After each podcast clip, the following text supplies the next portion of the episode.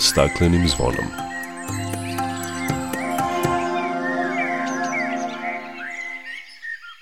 Dobar dan i dobrodošli na Zeleni talas prvog programa radija Radio Televizije Vojvodine. Ja sam Dragana Ratković.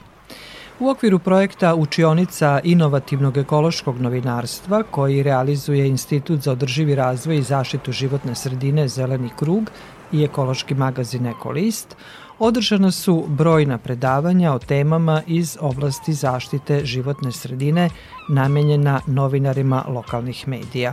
O nekim od tih tema govorit ćemo u emisiji. Biće reči o globalnoj promeni klime i klimatskim promenama u Srbiji, o upravljanju otpadom kod nas i problemu otpadnih voda u Vojvodini. Čućete i kako na ispuštanje prečišćene radioaktivne vode iz nuklearke u Fukushimi reaguju u Japanu. O ovim temama nakon pozdravne pesme. Dok priroda kraj nas plače Za vladarskim svojim tronom Tužno vele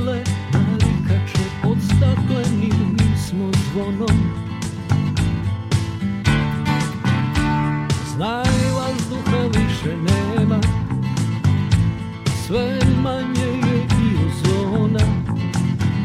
Protiv sebe ide čovek I to često bez pardona. Uništenju živog sveta Kao da su ljudi skloni. Čovek sam je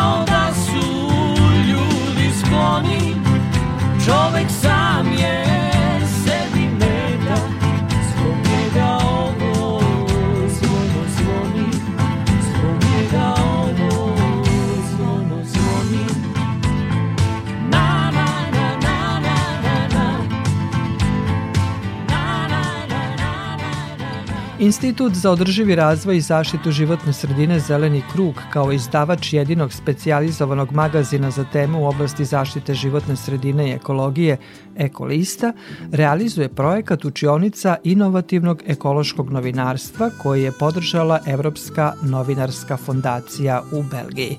Prema rečima koordinatorke projekta Majde Adlešić u radu sa medijima, redakcija Ekolista primetila je nedostatak kvalitetnih vesti iz raznih oblasti zaštite životne sredine, održivog razvoja, klimatskih promena, ekologije, upravljanja vodama, otpadnim vodama, otpadom, cirkularnom ekonomijom i tako dalje. Nedostatak takvih vesti posebno je primetan u lokalnim medijima, a razlog tome su male redakcije gde nema profilisanih novinara koji bi se bavili samo tim temama. Takođe, do njih ne dolaze kvalitetne informacije i ne postoje izvori informisanja koji su sistematizovani i pregledni. Zbog toga su odlučili da organizuju program edukacije novinara lokalnih medija, najpre o stručnim temama o kojima će govoriti eksperti, a zatim se projekat nastavlja kroz praktičan rad sa novinarima u redakcijama lokalnih medija, gde će se upoznati sa inovativnim radom u novinarstvu, novim tehnikama i veštinama pomoću digitalnih tehnologija. Svi učesnici, osim priloga za svoje medije, imaće zadatak da napišu tekst o aktuelnim problemima u zaštiti životne sredine iz svog okruženja, koji će biti objavljen u Ekolistu i u specijalizovanom izdanju e-Ekolista posvećenom tom projektu. Time se osnažuje jedan značajan broj lokalnih novinara, ali i pojačavaju kapaciteti redakcije Ekolista, kaže koordinatorka projekta Majda Adlešić. U prvoj učionici inovativnog ekološkog novinarstva, održanoj 25. avgusta u Novom Sadu, stručnjaci iz raznih oblasti govorili su o biodiverzitetu, uticaju poljoprivrede na životnu sredinu, cirkularnoj ekonomiji, upravljanju otpadom, o vodi i otpadnim vodama i klimatskim promenama. O nekima od tih tema razgovarali smo sa ekspertima koji su održali predavanje novinarima lokalnih medija.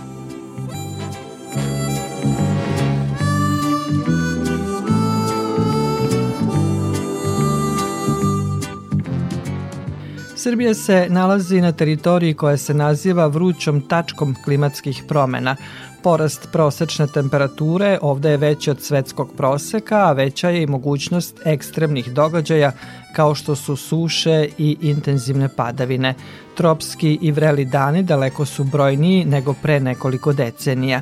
Primećeni su višestruki porasti udela ekstremnih padavina, ali i sušnih perioda, pa je jedna od tema u učionici inovativnog ekološkog novinarstva bila posvećena globalnoj promeni klime i klimatskim promenama u Srbiji.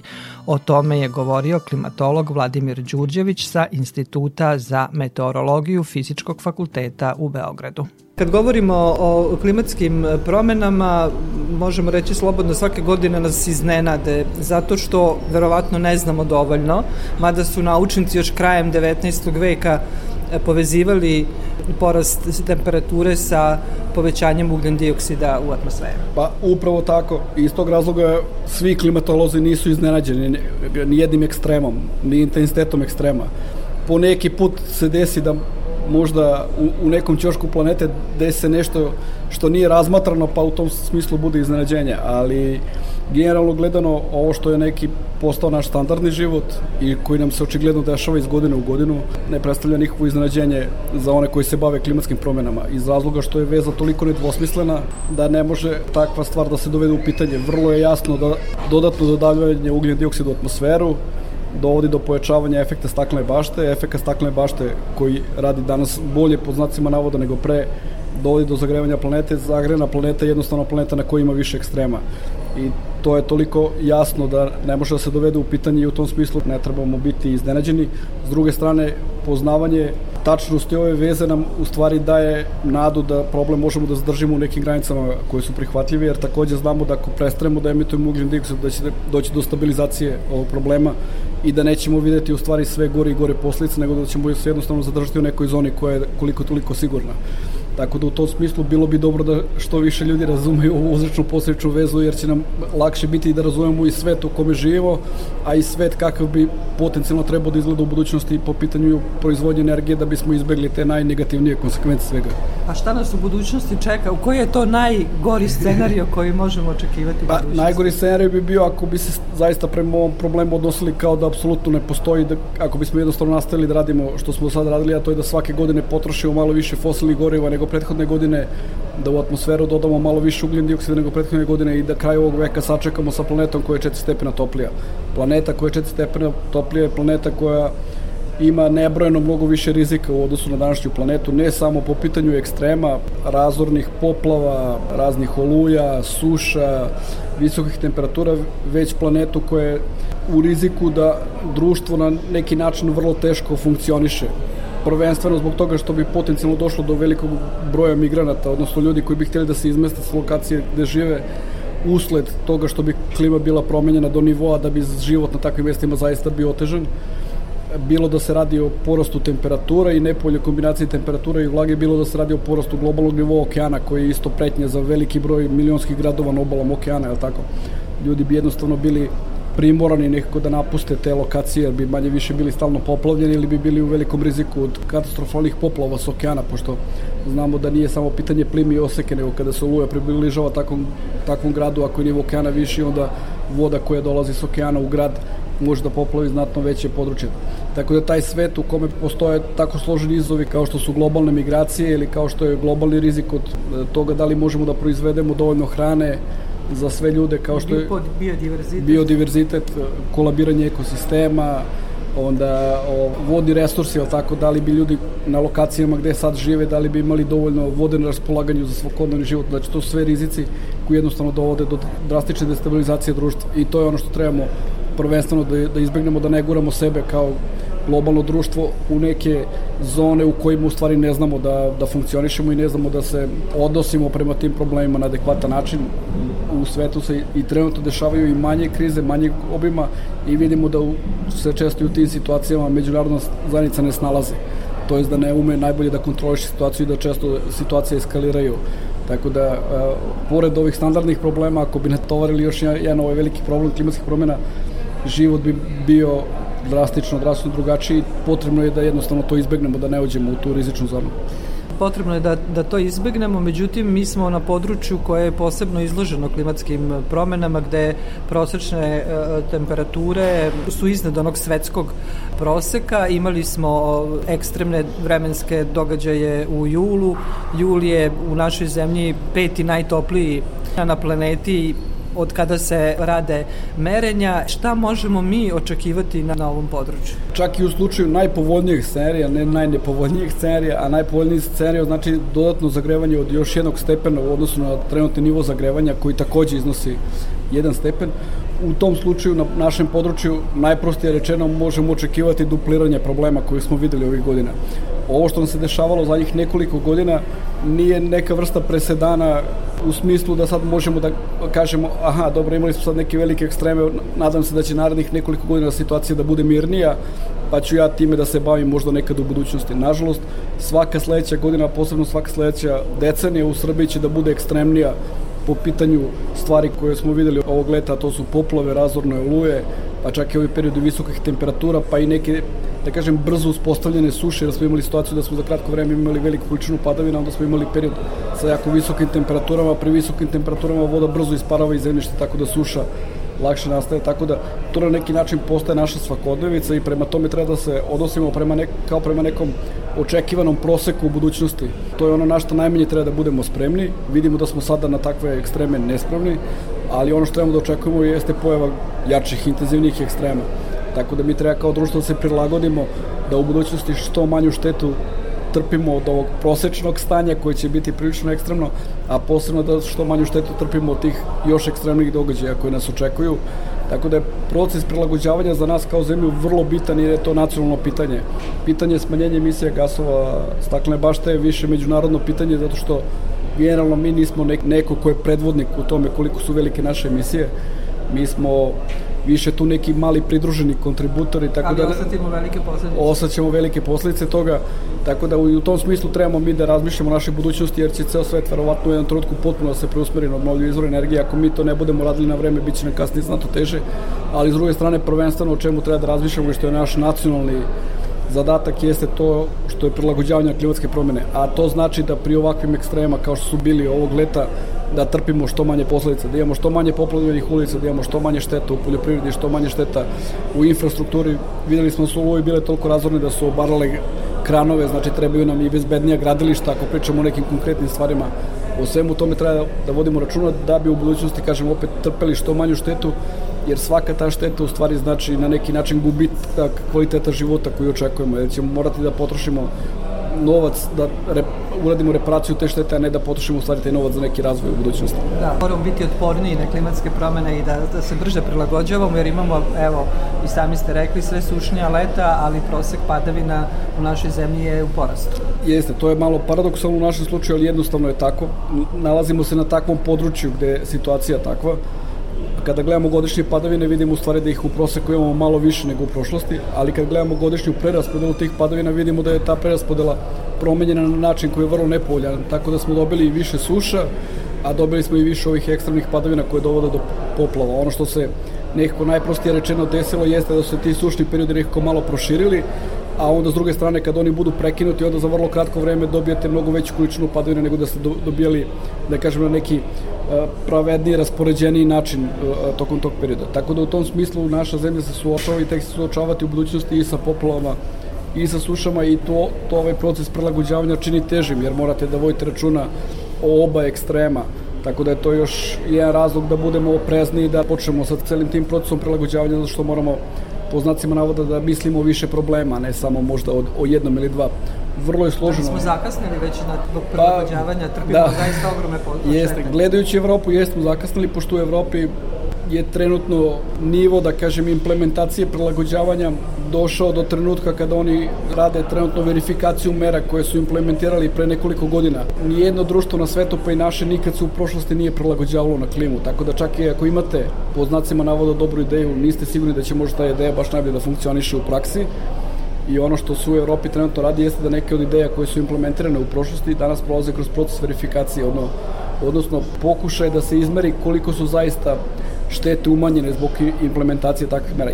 Jedna od zanimljivih priča recimo baš za poplave, gde nekako jedna od prvih stvari koje nam pada na pamet jeste da trebamo da unapredimo sistem za odbranu od poplava na način da recimo podignemo bedeme da oni budu jači, da, bu, da veća dužina reka bude pokrivena bedemima, ali ono što se dešava u stvari u Evropi poslednjih godina jeste da oni favorizuju nešto što je ponovno oslobađanje reka, jer su shvatili da je lakše možda ukloniti bedeme na nekim područjima koje nisu toliko kritično za odbranu i da se, reka da se reka razlije, a ne da u stvari sad vi gradite masivnu infrastrukturu koja treba svaki pedalj da štiti od potencijalnog izlivanja reke. Tako da, da je maltene njihovo prilagođavanje gledano sa, sa te tehničke strane kao ispada da je neki korak unazad, iako je u stvari u, u smislu klimatskih promjena korak, korak unapred. Tako da u principu mi kasnimo.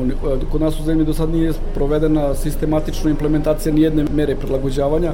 To je ono što nas tek čeka, posto nas u stvari čeka da proverimo da li te mere zaista daju rezultate, što je isto poseban izazov jer kažem opet, neki put je proces prilagođavanja toliko složen da vi ne možete napred da znate da će ishodi uvek da budu najbolji.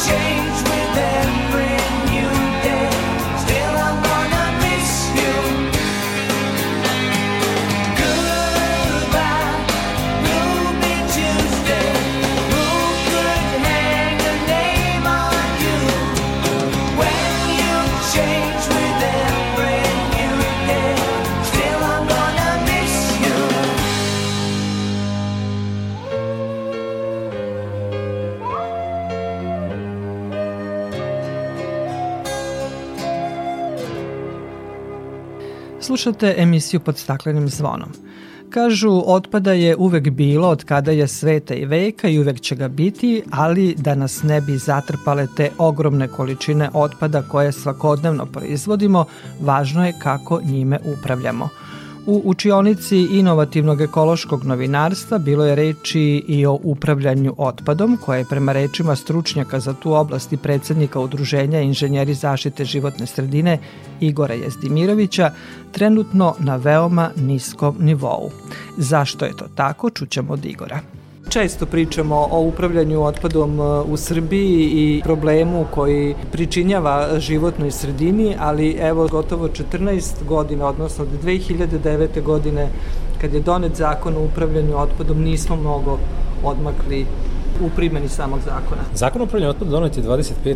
avgusta 2009. godine. Da, znači, to je puni 14 godina. Ono što je bila su očekivanja tog zakona, napredovalo se nešto, ali jedno od osnovnih očekivanja da bi uopšte nečim mogli da upravljate sa zakon o otpadu, a propisuje sistem upravljanja otpadom, jeste da probate da dobijete osnovnu količinu čime vi treba da upravljate. Koliko toga ima, i šta je to s čime treba da upravljate. Mi 14 godina nakon donošenja tog zakona još uvek nemamo jasno i precizno dat odgovor na to pitanje. Koliko imamo otpada i kojih vrsta otpada imamo. Vi kada pogledate statistiku Republičkog zavoda za a, statistiku, on vodi to na jedan način, pa su cifre na jedan način prikazane i definisane, a i naravno metodologija prikupljanja samih podataka, a onda imate agenciju za zaštitu životne sredine koja to radi na drugi način. Kada je u pitanju komunalni otpad koji je najbliži svim nama građanima, poražavajuća je činjenica da preko trećine opština ne ispunjava svoje osnovne zakonske obaveze, a to je da meri količine otpada koje prikupi, nego šac metodom kaže ili ne kaže uopšte šta je, šta je prikupila, i da uopšte ne radi ono što propisuje zakon jeste da meri sastav tog otpada. Ali zato stalno pričamo o velikim investicijama, o milionima koje treba sad uložiti da bi se upravljalo otpadom. To vam je toliko poražavajuće da vi ulažete tu količinu para, a pritom ne znate s čime treba uopšte da upravljate i koje su količine. Toliki je prostor za grešku da je to strašno. Mi ako hoćemo da pokažemo da imamo i trunku inteligencije i održivosti kao društvo, da bi upravljali nečemu, nebitno sada da je otpad nešto drugo, moramo prvo znamo šta je to s čime upravljamo.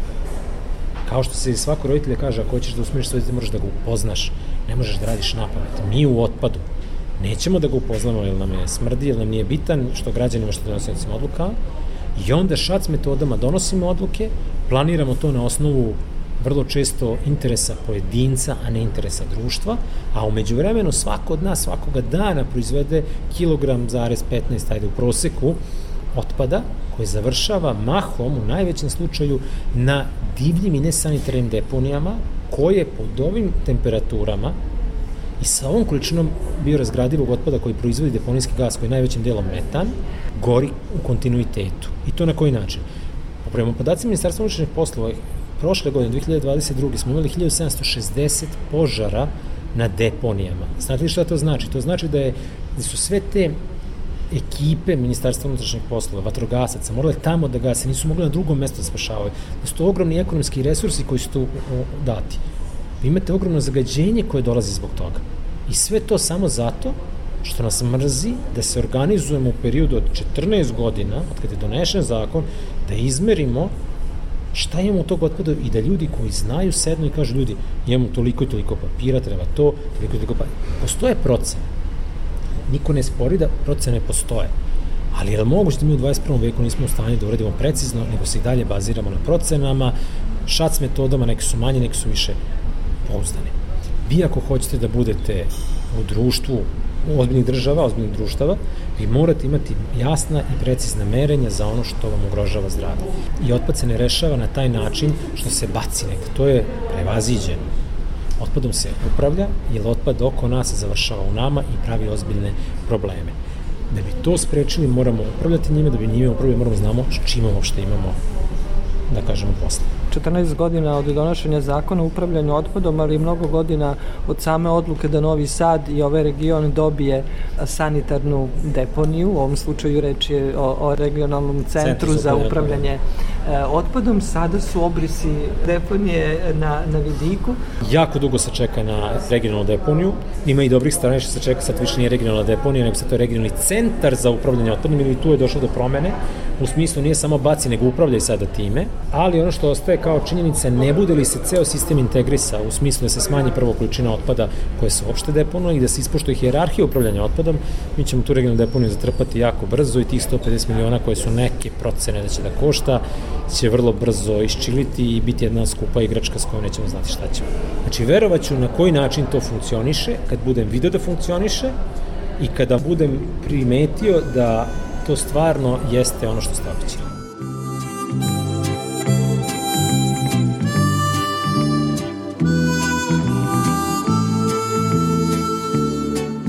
Postoji veliki broj divljih i nesanitarnih deponija, smetlišta i zagađenja iz otpada nesmetano dolazi u životnu sredinu, a onda posredno utiče i na zdravlje građana. Ministarstvo za zaštitu životne sredine obezbedilo je novac za uklanjanje više od 900 divljih deponija na teritoriji Republike. Pre nekoliko dana počelo je uklanjanje deponije u Petrovaradinu. O tome Milan Rakić.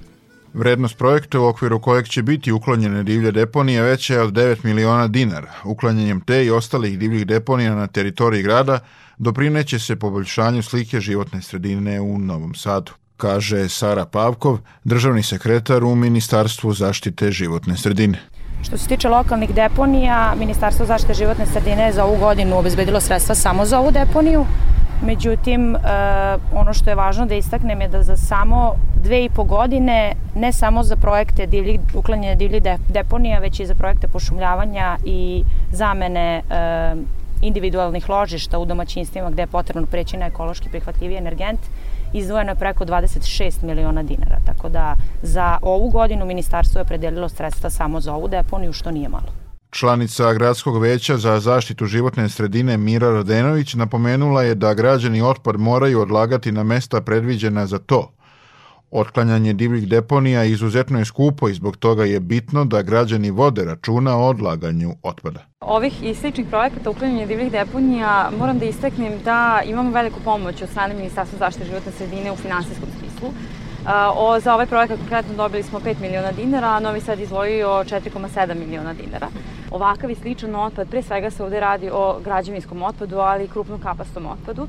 I to znači da apelujemo na građane da svoj otpad odnesu na deponiju potpuno besplatno ili da pozovu čistoću i iznajme ko, otvoreni kontejner od 5 kubika za svoje potrebe, za potrebe ili renoviranja stana ili izgradnje novih objekata, kako god, ali ono što nam je svima važno jeste da bi ovih ovak, ili sličnih projekata bilo što manje i da nemamo potrebu da izvajamo sredstva za, ovakav, za ovakve projekte i aktivnosti potrebno je da građani veću savest i da mi zajedno sa njima gradimo bolju i kvalitetniju životnu sredinu u Novom Sadu. U Novom Sadu trenutno ima 3000 divljih deponija. Na dnevnom nivou uklanja se oko 100 divljih deponija, rekla je Mira Radenović.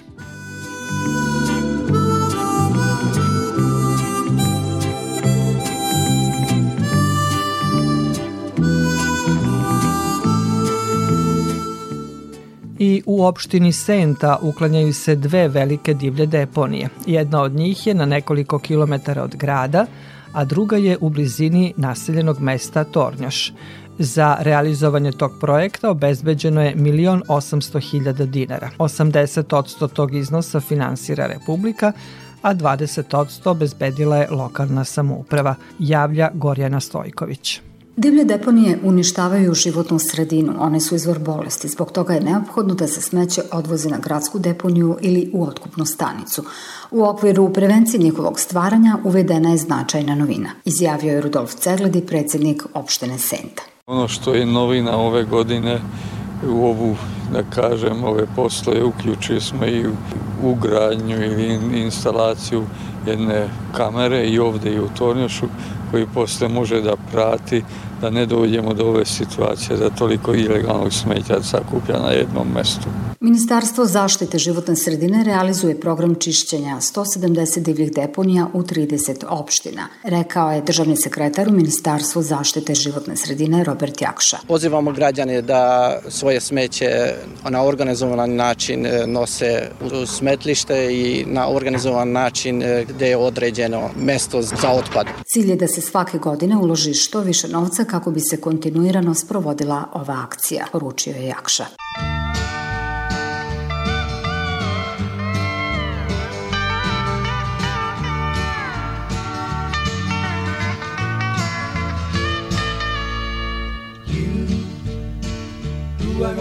road must have a code that you can live by and so become yourself because the past is just a goodbye teach your children well their father's help did slowly go by and feed them on your dreams. The one they picked, the one you know by. Don't you ever ask them why. If they told you, you would cry. So just look at them and sigh.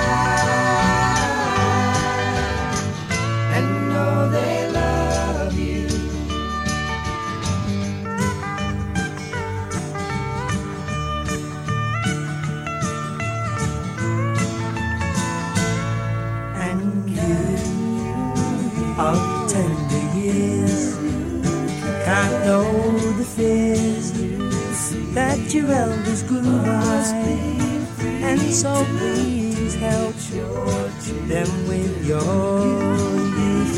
They see the truth before they can die. Teach your parents well, their children's hell will slowly go by them on your dreams. The one they picked, the one you know by. Don't you ever ask them why. If they told you, you would cry. So just look at them and sigh.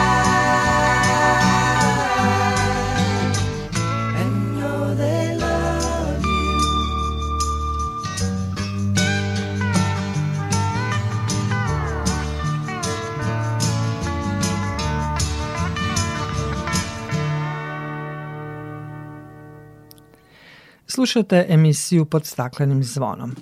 Porast broja stanovnika na planeti i razvoj industrije utiču i na povećanje potrošnje vode, a time i na povećanje otpadnih voda koje se neprečišćene ispuštaju u vodotoke i nastaje zagađenje. Prema podacima Republičkog zavoda za statistiku za prošlu godinu u Srbiji se čak 81,5% ukupne količine otpadnih voda uopšte ne prečišćava. Duž toka Dunava u Srbiji nalaze se veliki gradovi zagađivači. Ni Novi Sad, ni Pančevo, ni Smederevo nemaju postrojenje za tretman komunalnih otpadnih voda, a nema ga ni Beograd, jedina prestonica u Evropi koja nema prečistač.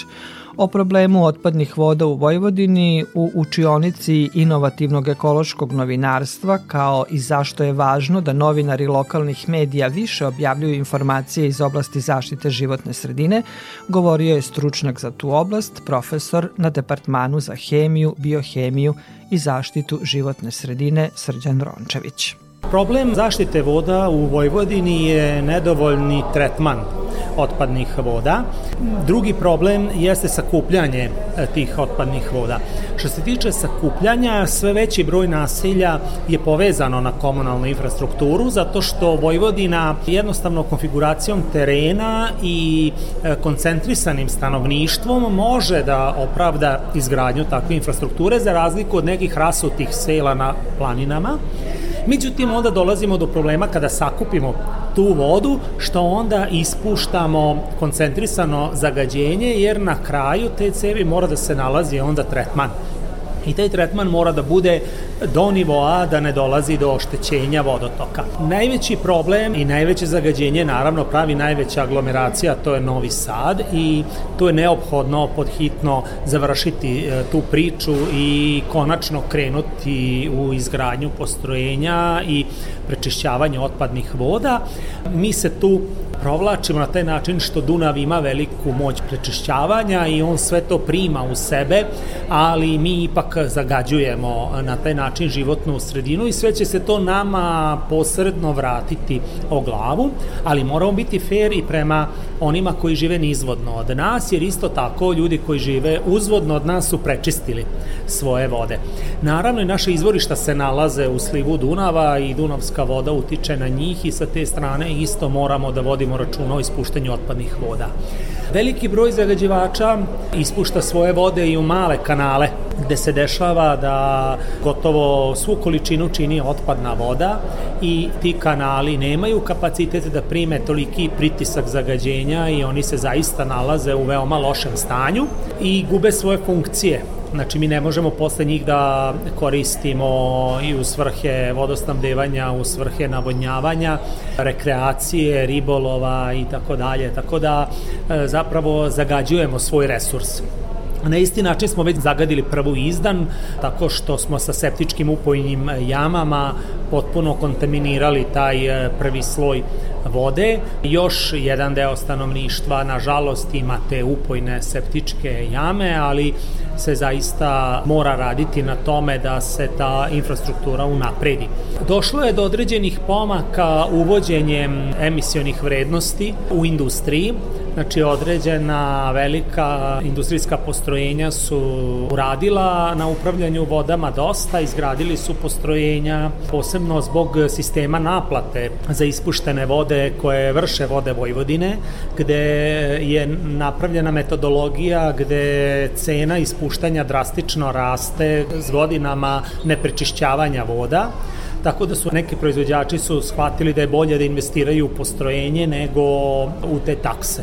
Industrija je napravila neke značajne korake, ostaju još naselja, nažalost kad su doneta ta zakonska regulativa, ti rokovi su jako produženi, međutim i ti rokovi se približavaju, znači nije cilj e, dočekati 5 minuta do 12 i onda rešavati problem. Ti ciljevi su namjerno odloženi baš da se ima dovoljno vremena da se sagledaju problemi i da se krene u, u njihovo rešavanje. A kada je reč o vodi za piće? Vojvodina se generalno snabdeva podzemnim vodama koje su prirodno opterećene mineralima, e, visokim salinitetom, visokom koncentracijom organskih materija i posebno e, visokom koncentracijom kancerogenog arsena i tu su neophodne tehnologije za prečišćavanje. Takve vode ne mogu kao takve da se koriste i zato sve veći broj naselja dobija zabranu korišćenja te vode dok ne investiraju tehnologije I tu imamo sad nekoliko naselja koji su krenuli da rešavaju te tehnologije.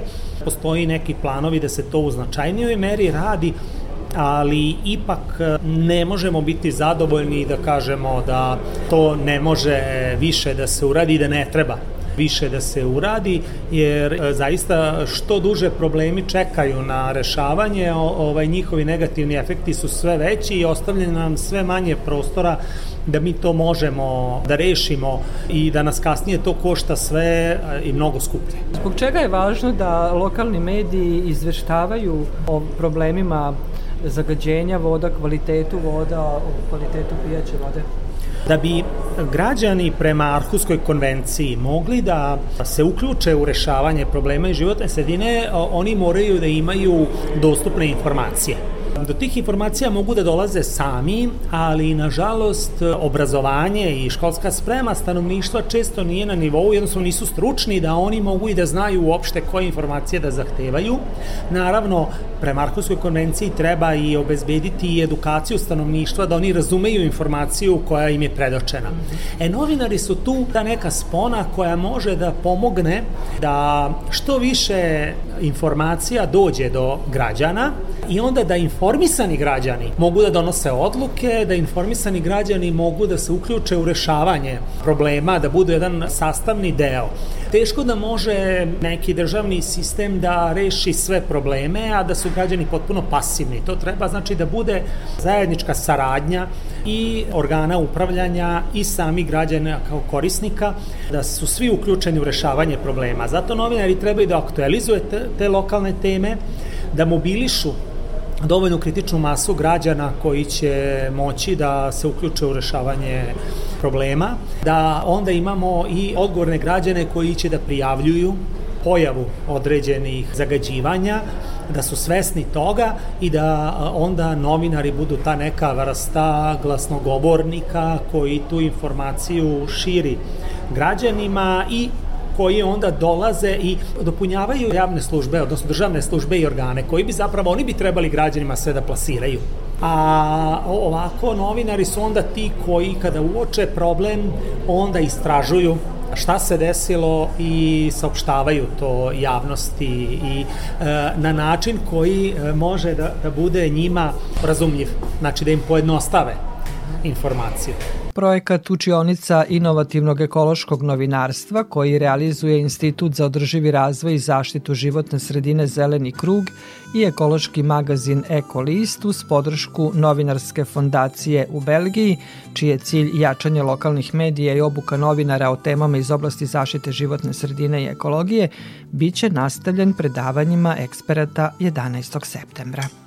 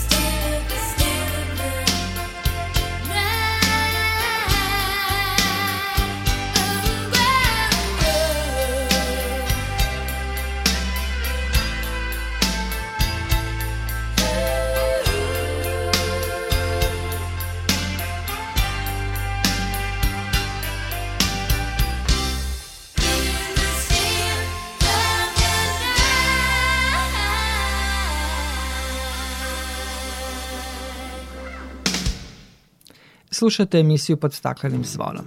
Posle 12 godina od katastrofe u nuklearki u Fukushimi, Japan je nedavno počeo da ispušta prečišćenu radioaktivnu vodu iz oštećene nuklearne elektrane u Tihi okean.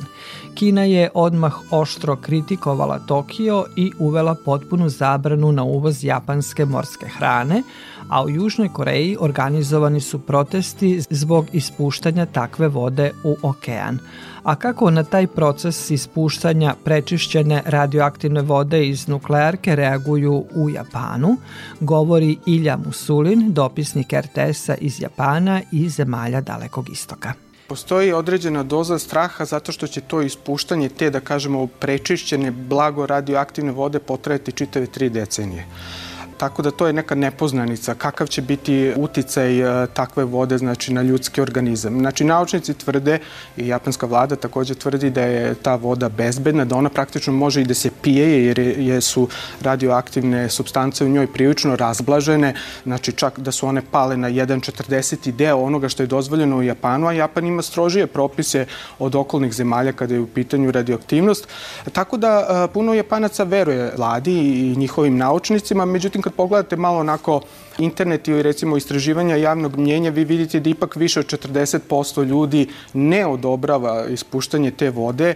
E, Sad bi, čovjek bi pomislio, a to znači da 60% odobrava. Nije tako, jer je puno onih koji su neodlučni.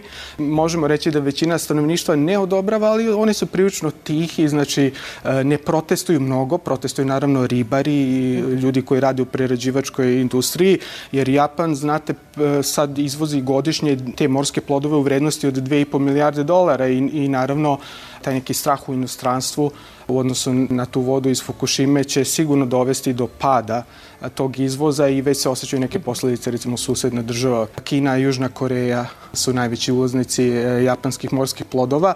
Tako da biće posledica, naravno japanska vlada je pripremila, da kažemo, i finansijsku pomoć e, za, za ribare i za te druge fabrike, znači iz te prerađivačke industrije, pa ćemo videti. Kažem, e, puno e, ljudi strahuje jer je sve to nepoznanica, ali sa druge strane zaista u Japanu imaju poverenja u vladu i ono što vlada govori, na kraju krajeva japanska vlada ima na neki način potvrdu međunarodnu da je ta voda bezbedna po životnu sredinu i po zdravlje ljudi jer je Međunarodna agencija za atomsku energiju znači poslala svoj tim stručnjaka u Fukushimu i on je ocenio da je ta voda ipak dovoljno razbažena, odnosno da je u dovoljnoj meri da su uklonjene. Te vode ima strašno puno, 1,34 miliona kubnih metara. Drugo, to hlađenje e, reaktora i uopšte njih uklanjanje nuklearnog goriva će trajati još čitave tri decenije, tako da će se ponovo generisati ta voda u budućnosti. Zato je to tako jako dug proces.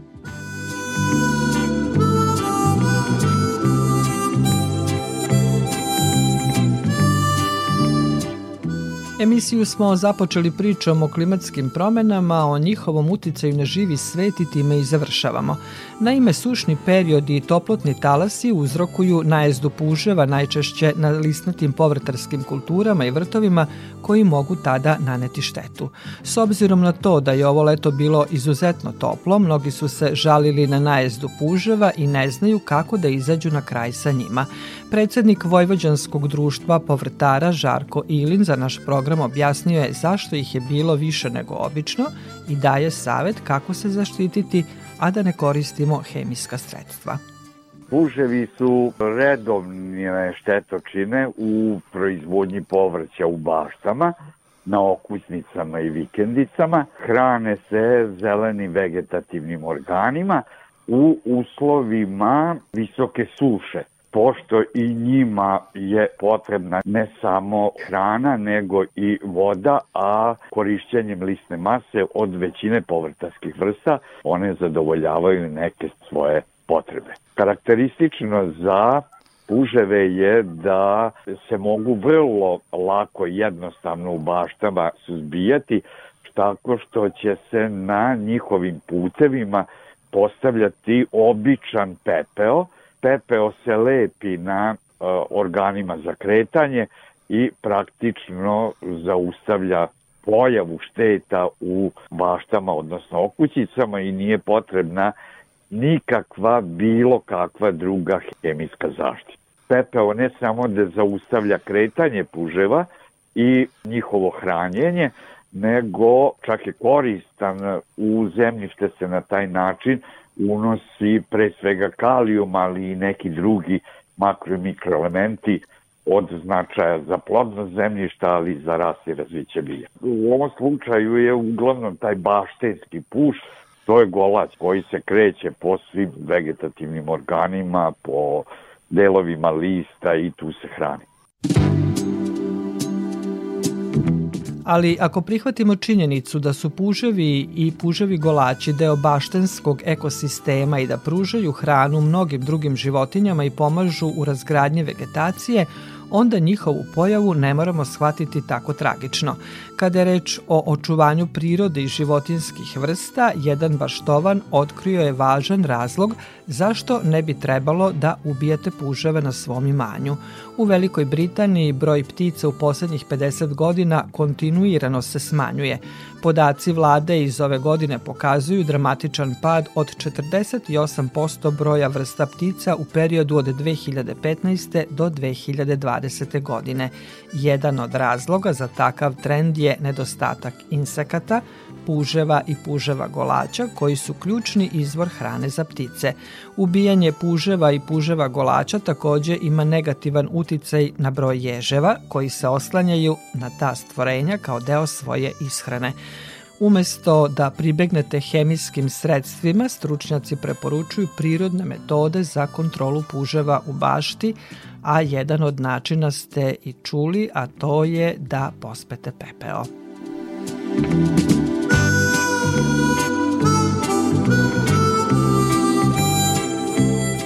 Toliko u ovom izdanju emisije pod staklenim zvonom koju možete slušati i odloženo na podcastu Radio Televizije Vojvodine na adresi rtv.rs. Emisiju realizovali Sabina Nedić, Maja Tomas i Dragana Ratković. Naredni susret zakazujemo za sedam dana u isto vreme na zelenom talasu prvog programa radija Radio Televizije Vojvodine.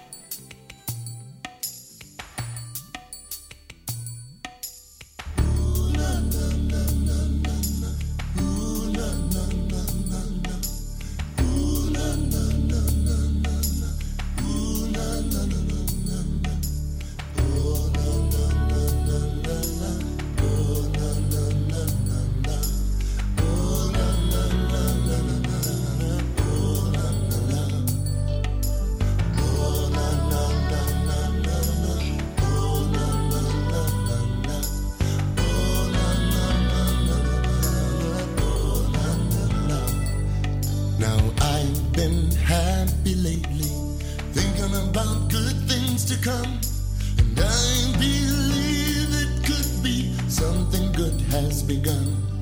Oh, out on the edge of darkness, there rides a peace train.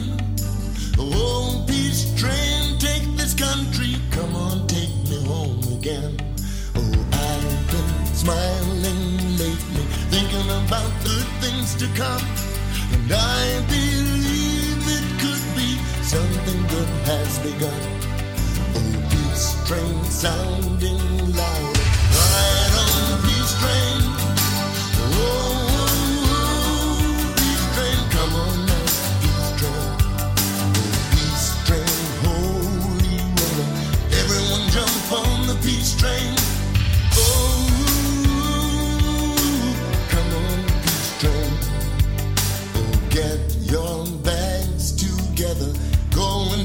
Friends too. Because it's getting nearer. Soon will be with you.